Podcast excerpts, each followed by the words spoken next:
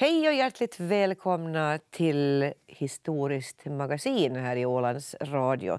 Jag heter Ann-Kristin Karlsson och tekniken sköts idag av Micke Alskog.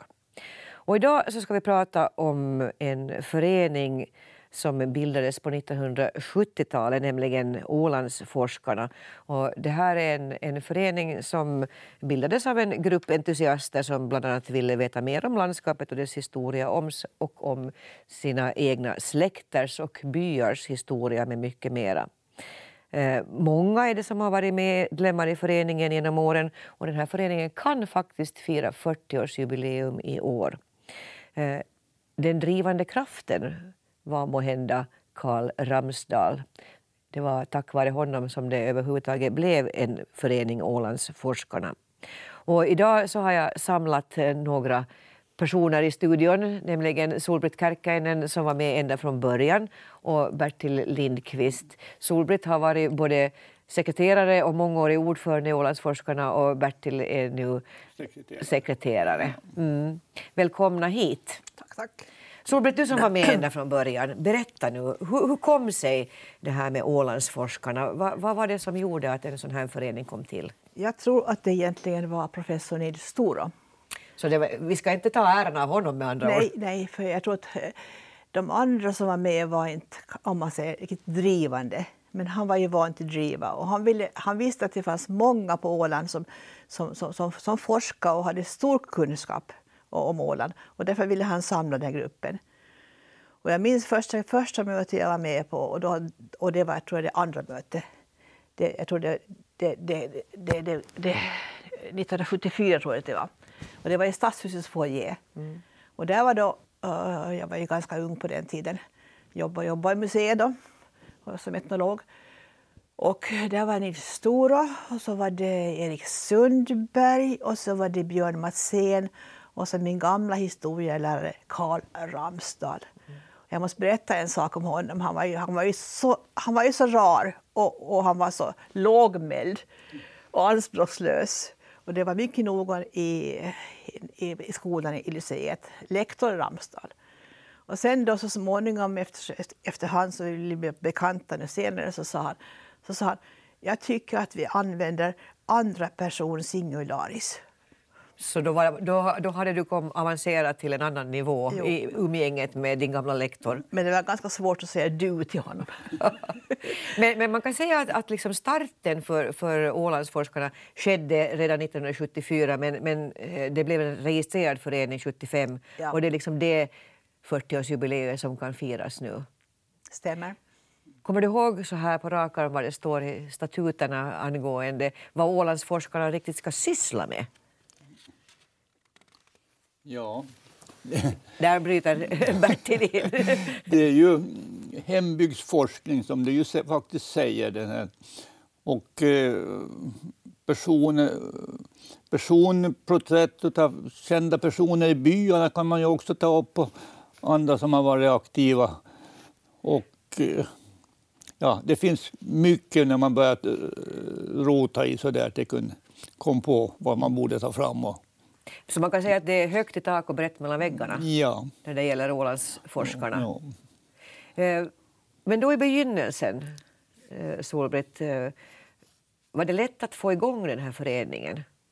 Jo, det, det var det. Och, och, för att få ut budskapet så ordnades det möten varje månad med någon som berättade någonting. Och det fanns ju många berättare, till exempel Karl Ramsdal han, han ställde ju hemskt ofta upp och berättade.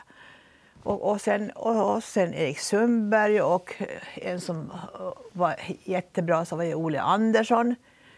Och, och jag minns en vandring med Björn Matsén. Han och hans fru Maj-Britt, de är trädgårdsmästare.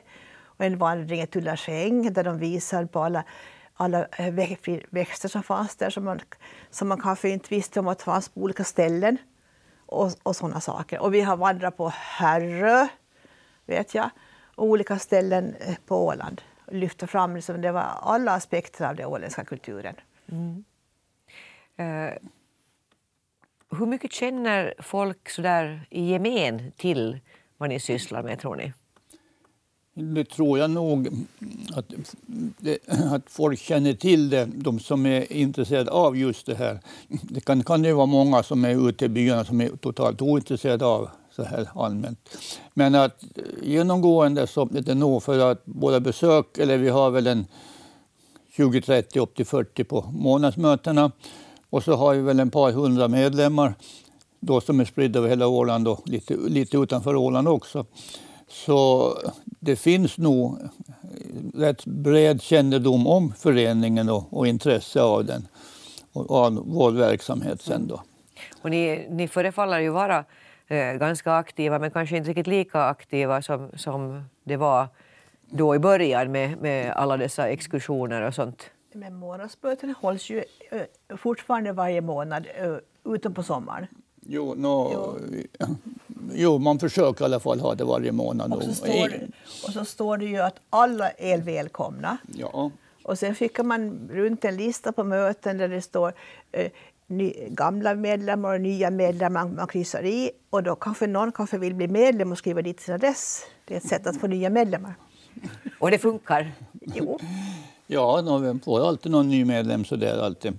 Problemet, ska jag säga, eller som jag diskuterar i styrelsen, är att det får ungdomar med.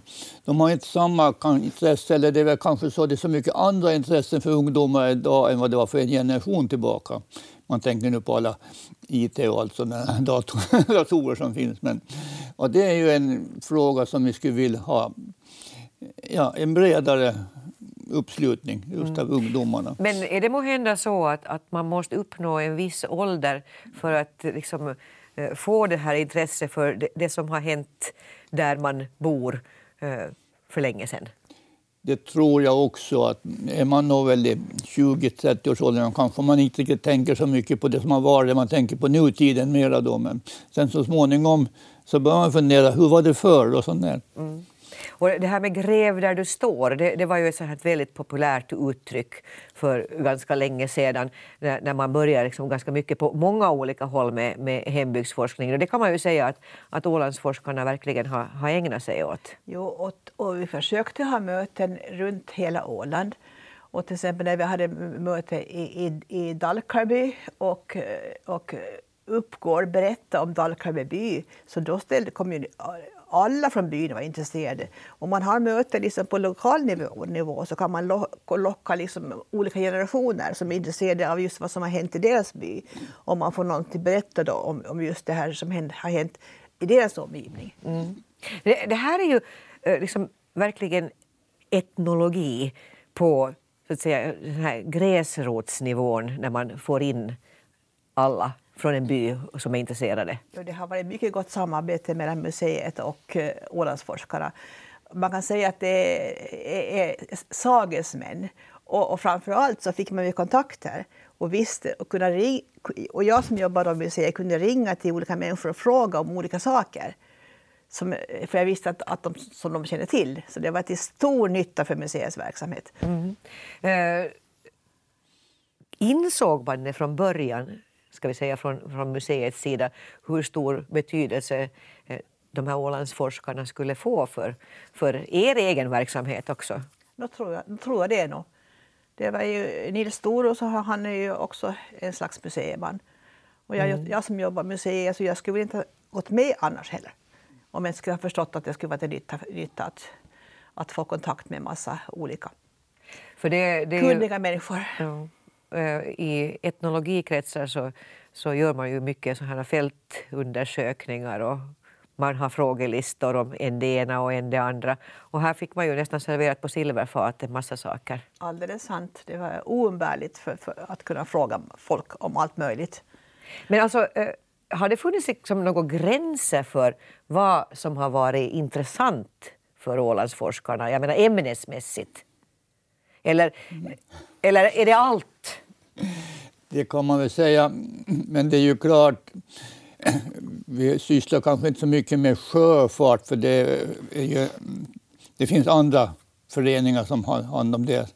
Så det men det utesluter ju inte att man kan ta med också intressanta händelser inom sjöfart eller från en by som kan ha varit något som kan vara värt att lyfta fram. Och personer det finns ju många starka personligheter på Åland så kan det bli ett intressant föredrag på det också. Mm. När kom du själv med i, i Ålandsforskare? Ja, det var slutet på 80-talet när jag då var hemma från sjön. Och så började jag gå just på månadsmöten för de hade intressanta föredrag och jag tyckte det var intressant att vara med. Nå, på den vägen var det sen att man skulle måste bli medlem. Och sen så började de tigga, ska ni komma med i styrelsen? Mariana, man kunde ju vara det. Och så, så var det ena gav det andra sen. Mm. Och så var det just sekreterare. Det var genom det att vi hade en det var en person utifrån som var sekreterare och så slutade och så var det sen inom styrelsen, kan inte du ta det nu och kan inte du göra det nu? Och så satt vi där och knuffade på varandra. När jag hade förra gången så sa jag en gång att jag tar sekreterarjobben nu tills ni skaffar fram en sekreterare sen då. Det är ju 15 år sedan ännu. Och inte de hittat någon ännu.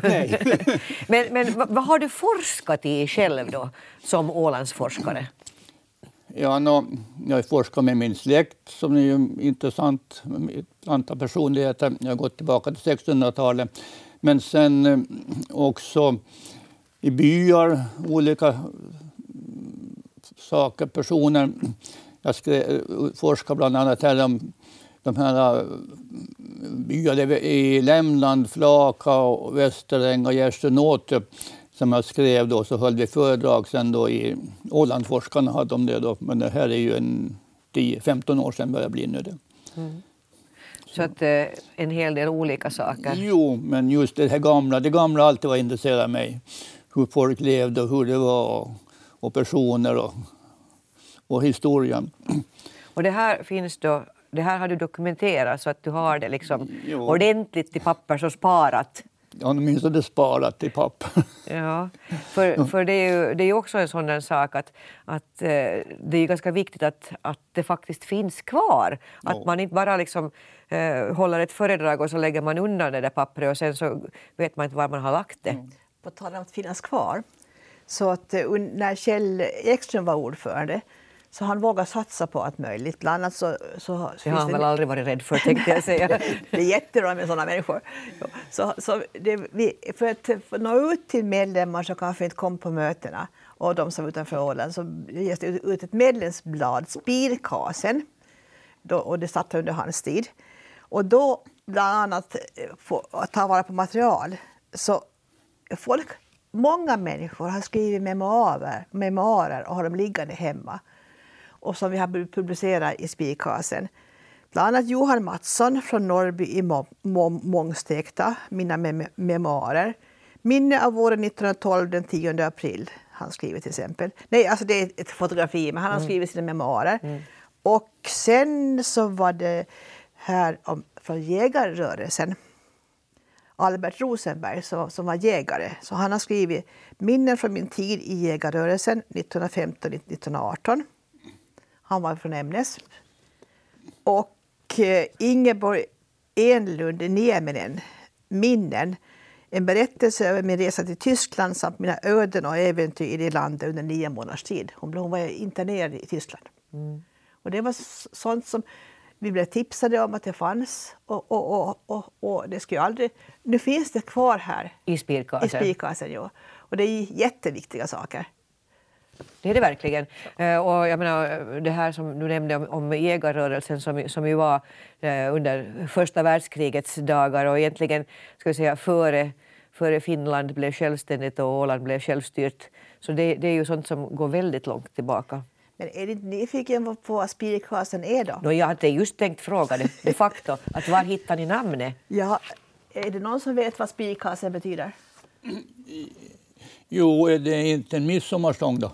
Ja, på på Eckers, Eckers midsommarstänger ja. så finns det högst upp, hö, högst upp eh, jag tror det är un, under, under solen, en, en spirkase. Och det är en sån bågformad båg, bågar som är i rundlar, cirklar, och på en, en tvärbreda. Mm. Och spirkase är en vårdkase. Det är en symbolisk vård, vårdkasebrasa och det här brukar vara behängt sen den här spikasen på midsommarstången med fladdrande band som eldar som brinner. Och det är mycket symbolik i, i det här namnet. Och spikhase tycker jag är så vackert ord. Så bara, bara namnet spikhasen eh, så att säga, mm. väcker nyfikenhet. Men är det lite flamma forneld över det hela? Just det, just det. bra, bra begrepp, mycket bra. Vi ska prata vidare om, om, om de här sakerna men vi ska ta och lyssna på Mando Diao som sjunger Strövtåg i hembygden. Jag kunde inte riktigt motstå den sången med anledning av vad vi pratar om i Historiskt magasin idag.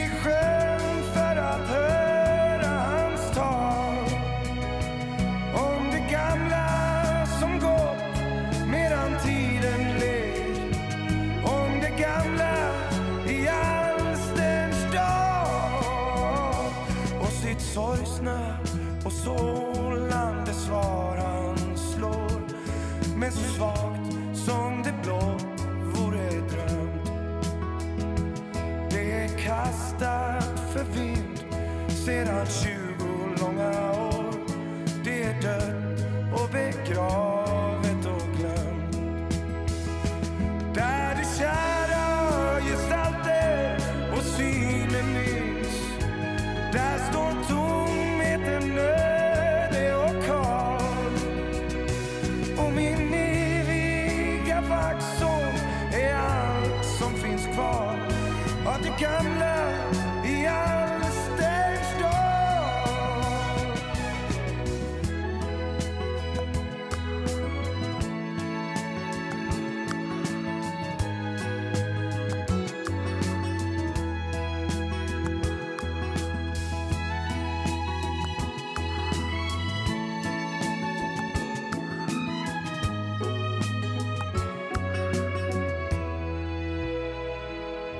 var Mando Diao som gick på strövtåg i hembygden. Och ni lyssnar på Historiskt magasin där vi nog går strövtåg i hembygden när det handlar om föreningen Ålandsforskarna som i år firar sitt 40-årsjubileum. Och som sagt, strövtåg i hembygden, det blir mycket. Det blir vitt och det blir brett och det blir högt och det blir lågt. Och eh, där har då föreningens eh, medlemsblad haft en stor betydelse för att saker och ting ska bevaras för eftervärlden, nämligen spirkasen som vi pratade om här före musiken. Hur ofta kommer spirkasen ut? Ja, nå, två gånger i året har den väl kommit ibland när man har mer material. Det beror på materialtillgången och att det får personer att aktivera sig och skriva. Så nu senaste år så kom den ju inte ut på grund av att vi hade inte material som vi då... Men att nu håller vi på och, och förbereder. Ska det bli ett jubileumsnummer? Nej, det, det hade det inte varit tal om i alla fall, men nu hinner ju ordna det också. men att eh, det är om Singelskär och den kommer väl ut någon gång på sensommaren eller på hösten. Mm. Den här Eva Karlsson som ska skriva om det och flera andra också om Singelskär. Hur kom det sig att ni valde Singelskär? Ja, no, det är ju en intressant ögrupp och som var ganska lite, vad jag nu vet, uppmärksammad. Den Eva Karlssons man var ju född där ute på Singelskär och hon hade då material därifrån och, och kan berätta och skriva om hur man då levde och bodde där. Och, för det var ju ett fiskarsamhälle egentligen. Det som... Så nu ska det komma i skriftlig dokumentation i spirkasen? Ja. E- Eva är duktig släktforskare, jag har forskat mycket om Storby också. Jo, jo. Men sen, från början så var det också tänkt att, att eh, spirkasen skulle komma ut två gånger per år i början av hösten och i, början, i januari. Och då skulle eh, det här programmet, terminsprogrammet för alla månadssammankomster finnas mm. där mm. och, och, vad det skulle vara för program. Så då skulle folk kunna förbereda sig i god tid för det var datum och det var tema. Mm. Så det, det, är lite, har varit en sorts händelsekalender också kan man säga. Japp, japp. Men alltså, eh, hur adekvat forskningsresultat bedömer du som etnolog att Ålandsforskarna kommer fram med? Alltså mycket viktiga saker. Och det som jag har tänkt göra tänker och tänker, man tänker mycket som borde göras kan man säga. Är att det borde vara en förteckning eh, någon, i vad, allt som här finns här i artiklarna i spikkasen, för det finns massor med fina saker här. Men folk känner inte till det därför att eh, från 1988 och framåt så finns det en massa, massa saker här som är gömda här bland, bland, i den här spikkasen. Mm. Är det inte lite synd? Jo, det borde vara, det borde vara en bi, bibliografi. Ja. Men jag, jag tänker inte lova så här offentligt att jag gör det, men det borde göras. Just det. Den borde göras och någon borde göra det och, och, och ingen känner sig riktigt manad. Ja, det är ett hemskt tidsödande att göra den. Men, men all det... forskning är ju tidsödande, men nu finns ju forskningen klar. Det är bara att sammanställa den. Jo, jo, jo. Det, det, det, det är bara att förteckna det på rätt sätt. Egentligen skulle, skulle en spi, ett nummer av Spikasen så borde det borde vara en, en bibliografi över allt som har publicerats tidigare. Så brukar ju tidskrifter göra. Alltid nu och då. Ja, det är en mycket klok tanke som man nog bör ta upp och, och försöka förverkliga förstås mm. också. Då. Nu, nu har vi, ju, vi har ju, som du själv nämnde, internet och det, det är någonting som är, intresserar kanske unga människor speciellt. Eh, kan man inte lägga in alla spirkasar eh, på nätet? Tystnaden lägrar sig lite generat nästan. Men, men ja, vore det inte ett sätt att, att det, få ja, det samlat? Idén är mycket bra. Jo. Att man får någon som kan, jag kan det inte. Men det finns ju många yngre som ju säkert är bara en, en mycket enkel sak för den att mm. göra. Då. För det är ju ett sätt att sprida så att säga kunskapen. Det är en mycket bra idé. Mm. Och, och, jag är inte heller så hemskt bra på, på det här med internet. För sätter man in artiklarna på internet, inte ordnar det sig själv sen att man, med sökord och så vidare. Sökord. Nej, man måste ju säkert arbeta lite för ja, ja. det. Så att det blir rätt sökord, att man hittar mm. det man söker, söker efter. Precis. Ja. Men att eh, det, det, är ett sätt att sprida kunskap om Åland. För det är ju också en sån sak som, som ju har varit ett honnörsord att sprida kunskap om den åländska historien, lokalhistorien. Ja, och få fram material som, som, som annars ingen skulle få tillgång till. Det är det som är det viktiga. Mm. Ni har ju också haft sådana eh, liksom, ska man kalla det för frågeformulär eh, som, där, där, ni har bett att få reda på eh, namn på spinnrockens delar? Jo, och, och det var ju i samarbete med museet.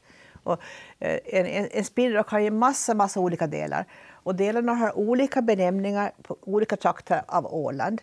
Och då fick vi rita en spinnrock och så skickade vi ut det till alla medlemmar. På den tiden kunde man, och det skickade man ut med, med, med museibyråns post, för det var ju också museibyråns projekt.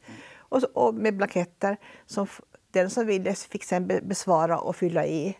Och så var det om, om vagnen och dess delar och sådana saker. Och det var något mer också, men jag kommer inte ihåg.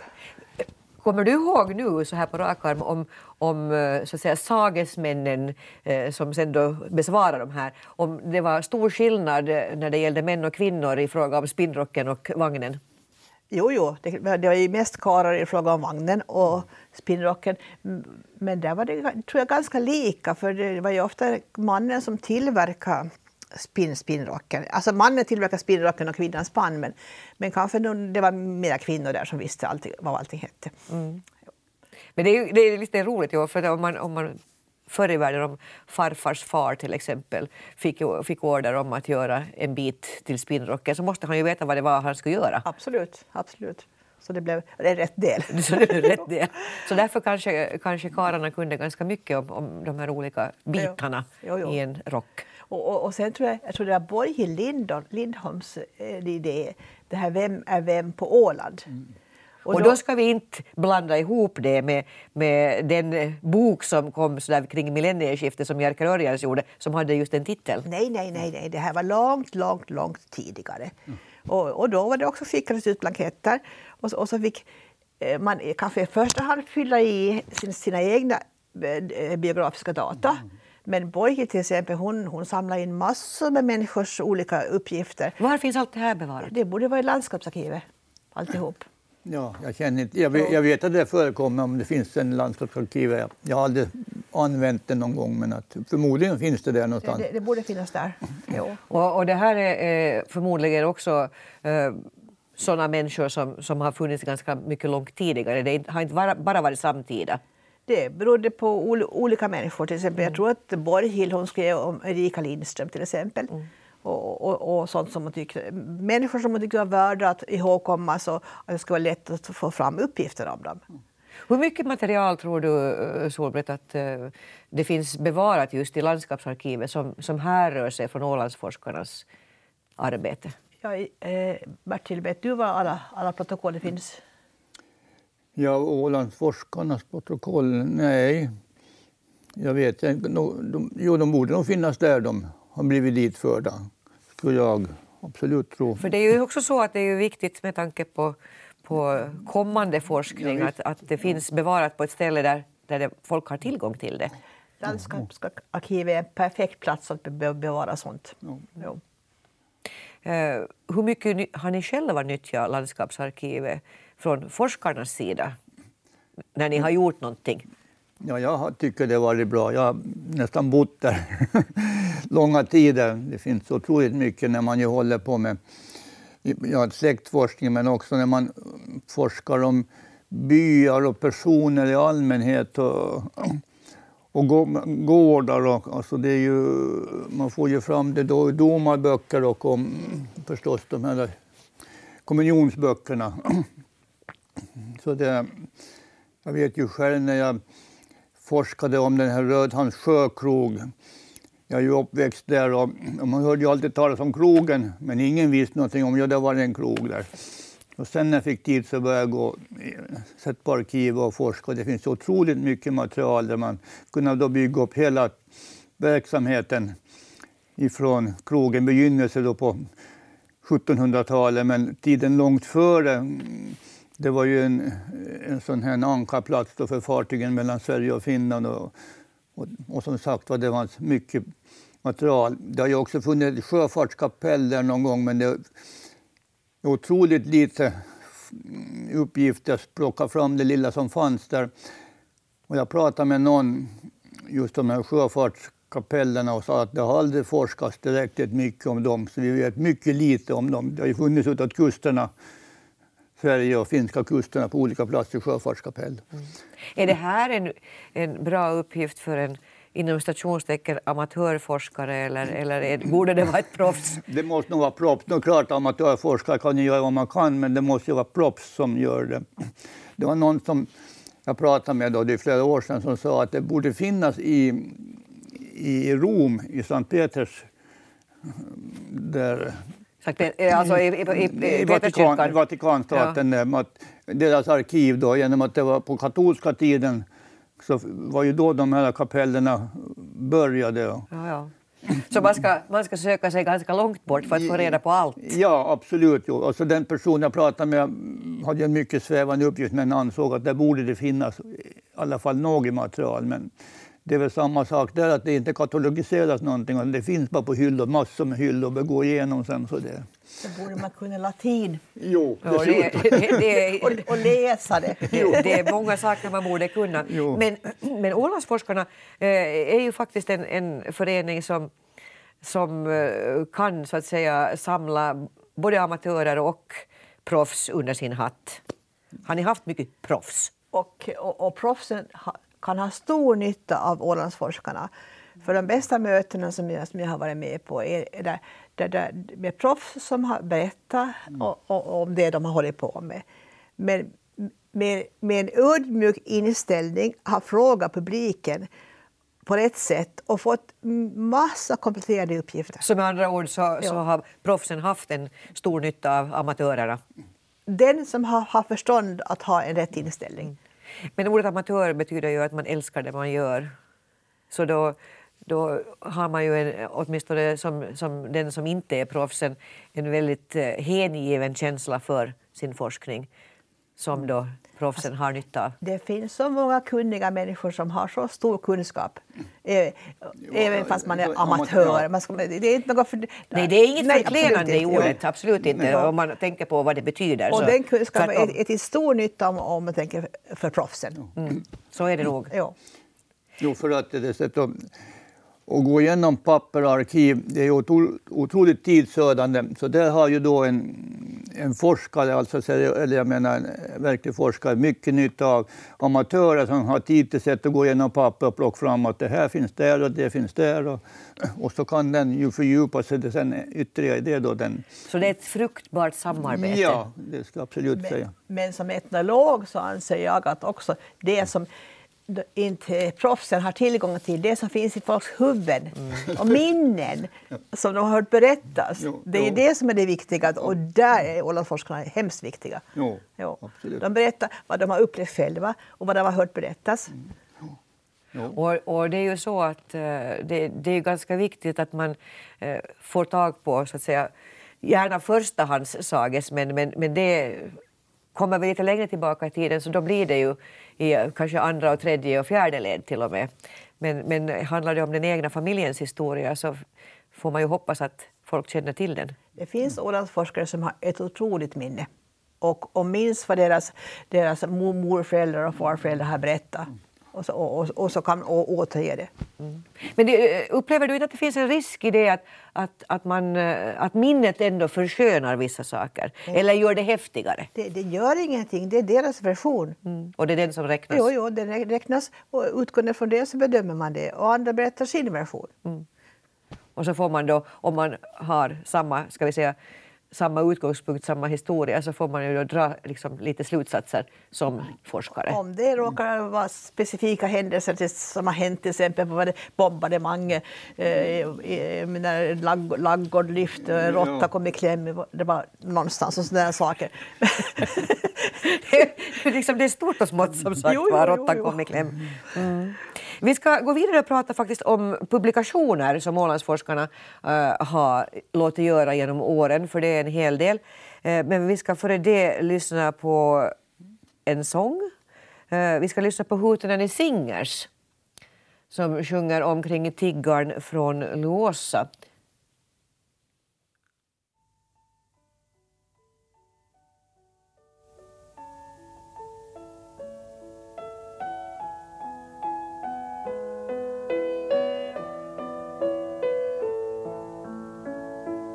Omkring tiggan från Luossa satt allt folket i en ring och vid lägerelden hörde de han sång.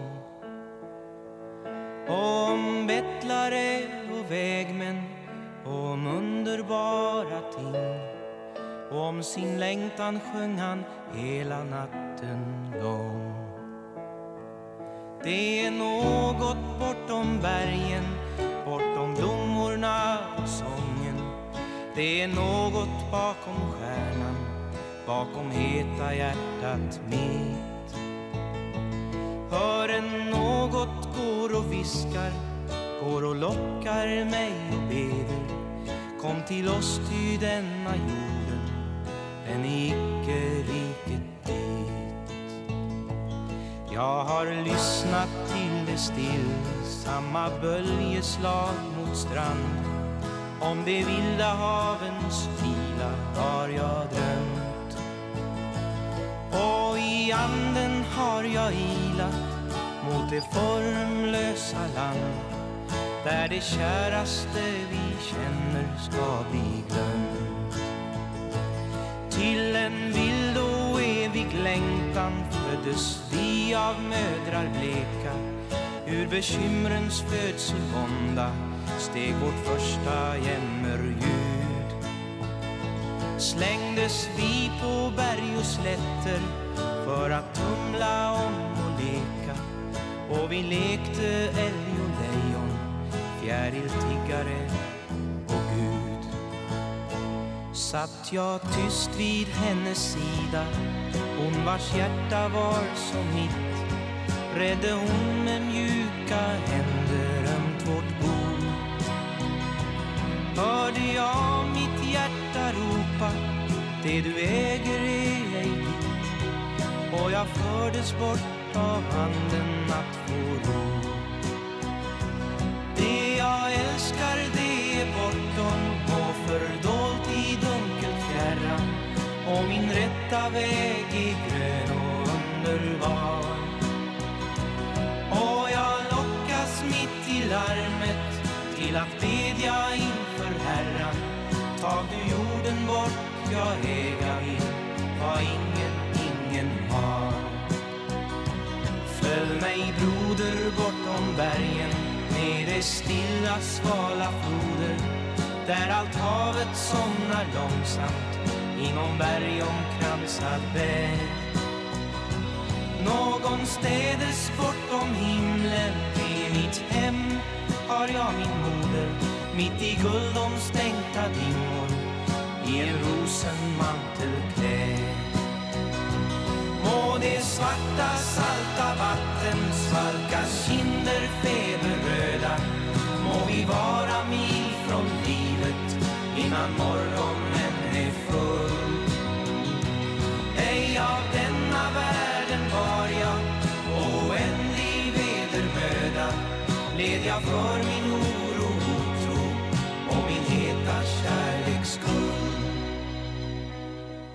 en snäckbesållad havsstrand står en port av rosor tunga där i vila multna vraken och de trötta män får ro.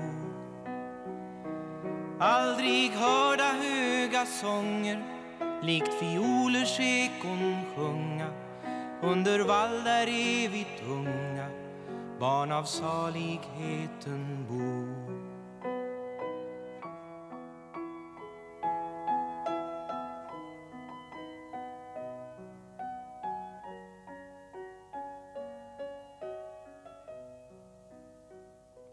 Omkring tiggaren från Låsa, Dan Anderssons text tolkad här av Hootenanny Singers. En inspelning från, jag skulle tippa, slutet av 60 början av 70-talet. Ehm, den här låten kanske kom på skiva med Hootenanny Singers ungefär samtidigt kanske med, med Ålandsforskarnas födelse, vem vet?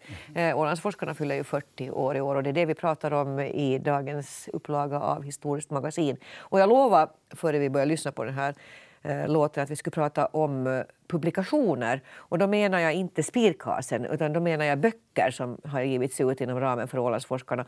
Och ser man på titlarna så kan man konstatera att det allra första så, så handlar om eh, om Karl Ramsdal, en av de drivande krafterna för att bilda den här föreningen. Eh, sen finns det också en bok av Kenneth Gustafsson eh, som heter eh, ja, vad står det? Granboda flygstation. Jag kan inte läsa heller. Eh, men sen kommer det också en bok om Töftelandet som Kristina Remmer och Kitty Strandvik har givit ut. Men sen är det Eckerö för hela slanten. Det är otroligt hur väl Eckerö är dokumenterat i bokform. Och det kan man tacka en person för, Erik Sundberg. Ja, absolut. Och eh, han höll ju på att samla då till de sista två byarna som inte var dokumenterade, Marby och Björnhuvud. Han hade en hel del material. Och nu har hans dotter då Eva Sundberg åtagit sig då, då, att leda en referensgrupp att genomföra det här bokverket. Och det kommer kanske ut då inom ett år. Och, och så kan man säga att Eckerö är, är helt och hållet ja. dokumenterat. Ja. Det gör det unikt. Den första som handlar ju om torp. Mm. Och det, det, är från Gustav Vasa till våra dagar. Och, och sen kom det Kyrkoby, och Storby och Överby. Så hans avsikt var hela tiden att, att, att ge ut hela Eckerö. Ja. Så det är jättebra nu att hans dotter Eva Sundberg har, har tagit tur med det här material som finns Absolut. och att det kommer ut. Mm. Men där kan man ju säga att, att, att, den kommunen är ju samt och synnerligen väl dokumenterad.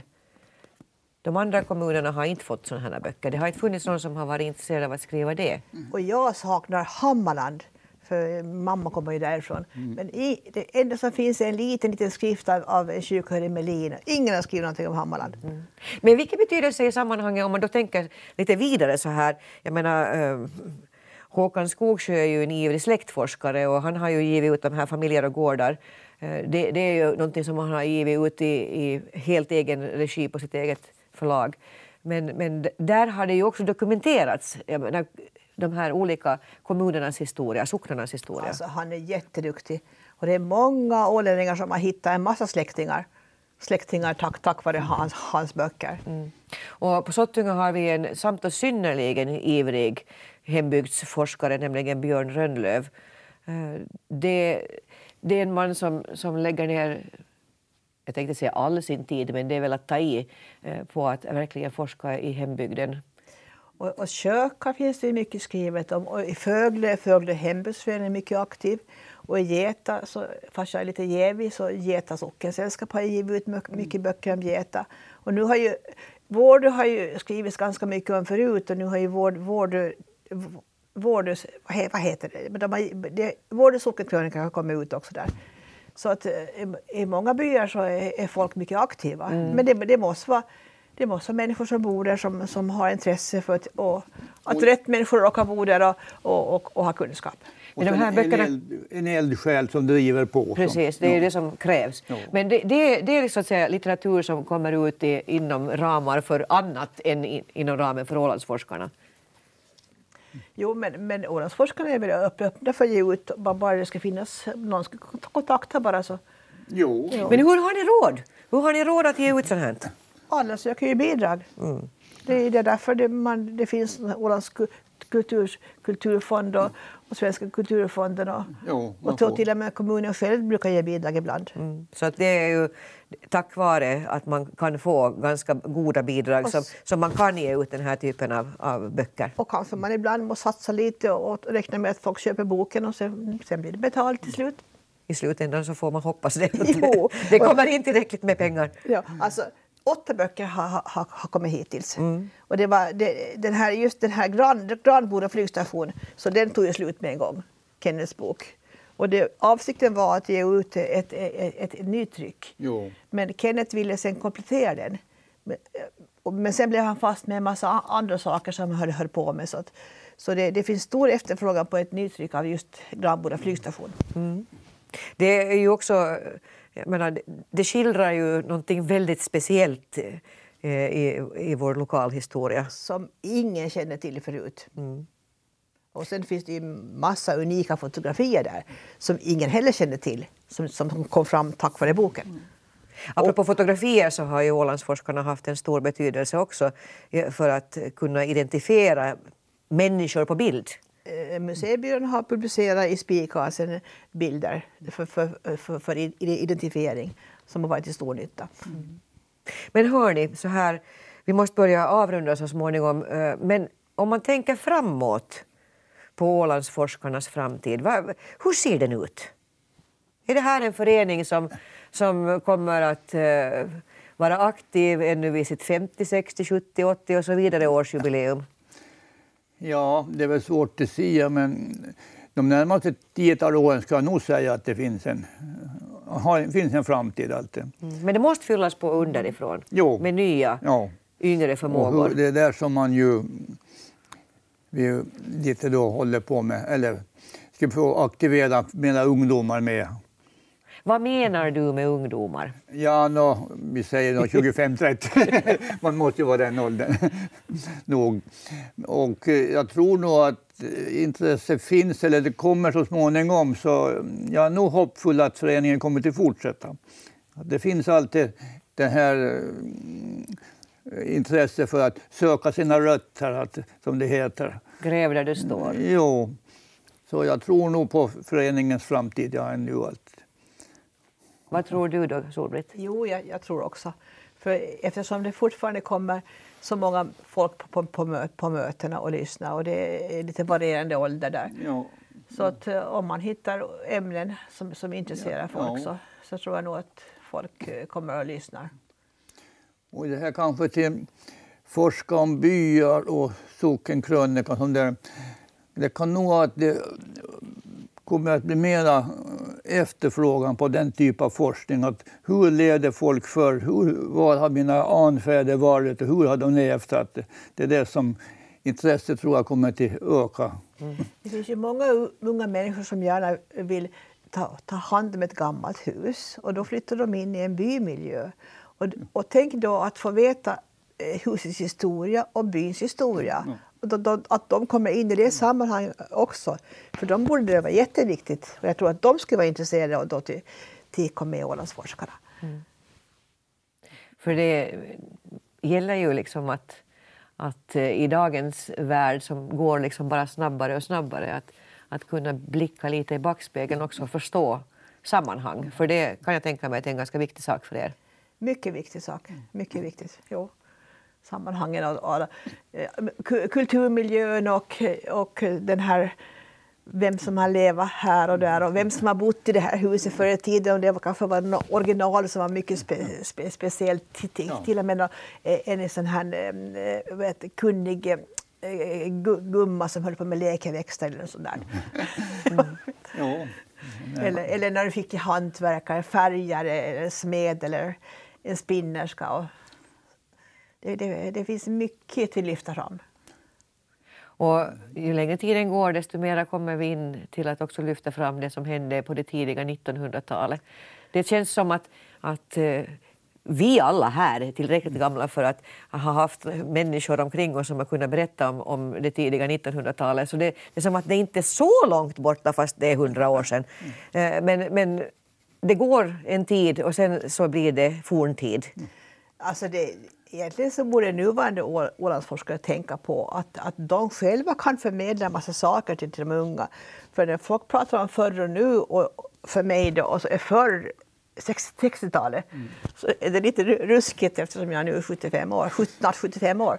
För, så, så bara bara de nuvarande medlemmarna kan ju förmedla sin, sin, det de kommer ihåg till, till, till, till unga människor. Mm. Det, det skulle vara en, en kväll då alla får, får berätta hur det var när jag gick i skolan till exempel. För ja, där har ni nu ja. idéer ja. för framtida bruk inom Ålandsforskarna eh, så att ni har möjlighet att, att fira ytterligare jubileum. Jag hoppas att, eh, att ni har många goda år framför er nu i Ålandsforskarna och att det här är en förening som, som då fortsätter att att gräva i den åländska historien. Ja, jag, Jag, tror, jag tror på framtiden ännu. Det sa Bertil Lindqvist, nuvarande sekreteraren i Ålandsforskarna. Och vi har också träffat Solbritt Kärkkäinen som har varit både ordförande och sekreterare och dessutom med ända från begynnelsen i denna förening. Själv heter jag Ann-Kristin Karlsson. Och Historiskt magasin den här gången slutar här och nu, men vi ska avsluta med lite musik. Och jag tänkte vi skulle ta lite åländskt och lite ny åländsk folkmusik med den gamla touchen trots allt. The PG's och Smygvalsen.